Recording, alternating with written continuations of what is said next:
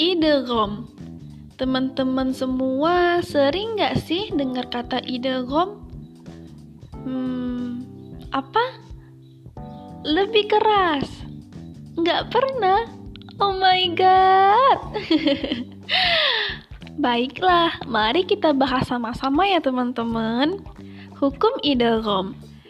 Hukum idgham ini termasuk ke dalam hukum nun sukun atau tanwin loh teman-teman. Nah, di sini Yuchan akan memberitahukan kepada teman-teman tentang pengertian dari idgham. Idgham menurut bahasa artinya memasukkan atau mentasydidkan. Jadi, kalau memasukkan hati dia ke hati Yuchan, kira-kira itu termasuk idgham bukan ya teman-teman? Bukan ya teman-teman. Jadi maksudnya adalah memasukkan huruf hijaiyah. Nih, Yuchan kasih tahu nih pengertian lengkapnya tentang idgham. Nah, jadi idgham adalah memasukkan huruf pertama ke dalam huruf kedua sehingga menjadi satu huruf yang bertasydid. Nah, sekarang teman-teman semua sudah tahu kan pengertian dari idgham? Jadi, jika adik-adik dari teman-teman ada yang bertanya, teman-teman sudah bisa jawab dong. Dan kalau dipikir-pikir, bener juga loh. Kan memasukkan hati dia ke hati Yuni kan akan menjadi satu. Allahu Akbar. Enggak ya, enggak ya. Oke, kita lanjut ya teman-teman. Setelah kita mengetahui apa pengertian dari idgham, kemudian kita harus tahu nih apa aja huruf-huruf yang termasuk ke dalam hukum idgham. Check it out. Jadi ada enam huruf hijaiyah yang termasuk ke dalam hukum idgham, yaitu kalau Yuchan waktu belajar dulu nyebutnya Yarmaluna. Yarmaluna yaitu huruf iya, ro, mim, lam, waw, sama nun. Jadi teman-teman untuk memudah mengingatnya, teman-teman bisa menggunakan metode Yuchan tadi ya, yaitu dengan menyebutkan Yarmaluna. Nah, gitu teman-teman. Sekarang teman-teman udah tahu kan 6 huruf hijaiyah tersebut? Jangan lupa ya teman-teman harus diingat. Masa kenangan mantan yang lalu aja ingat. Mada ke huruf hijaiyah nami kok dah inget. Canda mantan. Eh, mantan. Oke, lanjut teman-teman. Kapan sih kita harus menerapkan hukum idgham ini?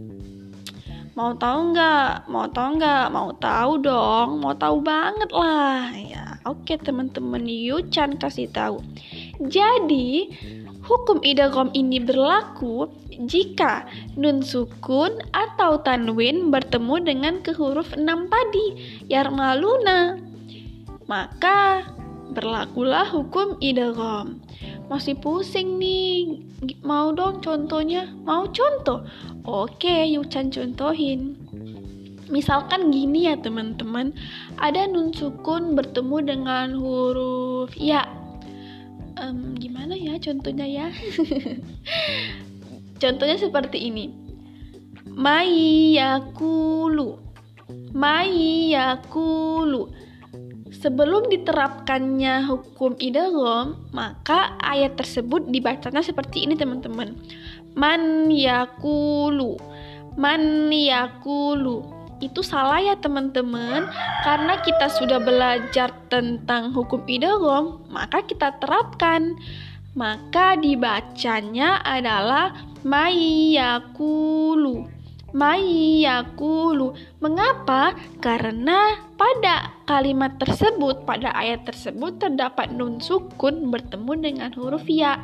Maka kita gabungkan atau kita masukkan huruf pertama ke dalam huruf kedua yang awalnya man menjadi mai, yang awalnya man menjadi mai. Sehingga menjadi satu huruf yang bertasydid. Gitu teman-teman. Mudah bukan?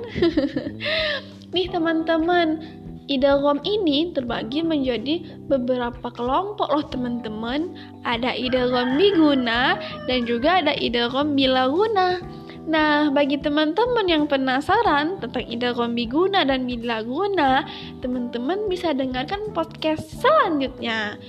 Hmm, mungkin sampai di sini saja ya teman-teman pembahasan kita tentang idgham Jangan lupa di komen dan jangan lupa di share ya teman-teman.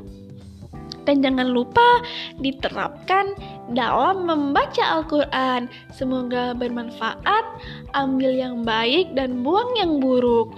Hah, ingat ya teman-teman, selain untuk dunia, ini juga untuk akhirat loh. Sampai jumpa lagi. Wassalamualaikum warahmatullahi wabarakatuh. Bye.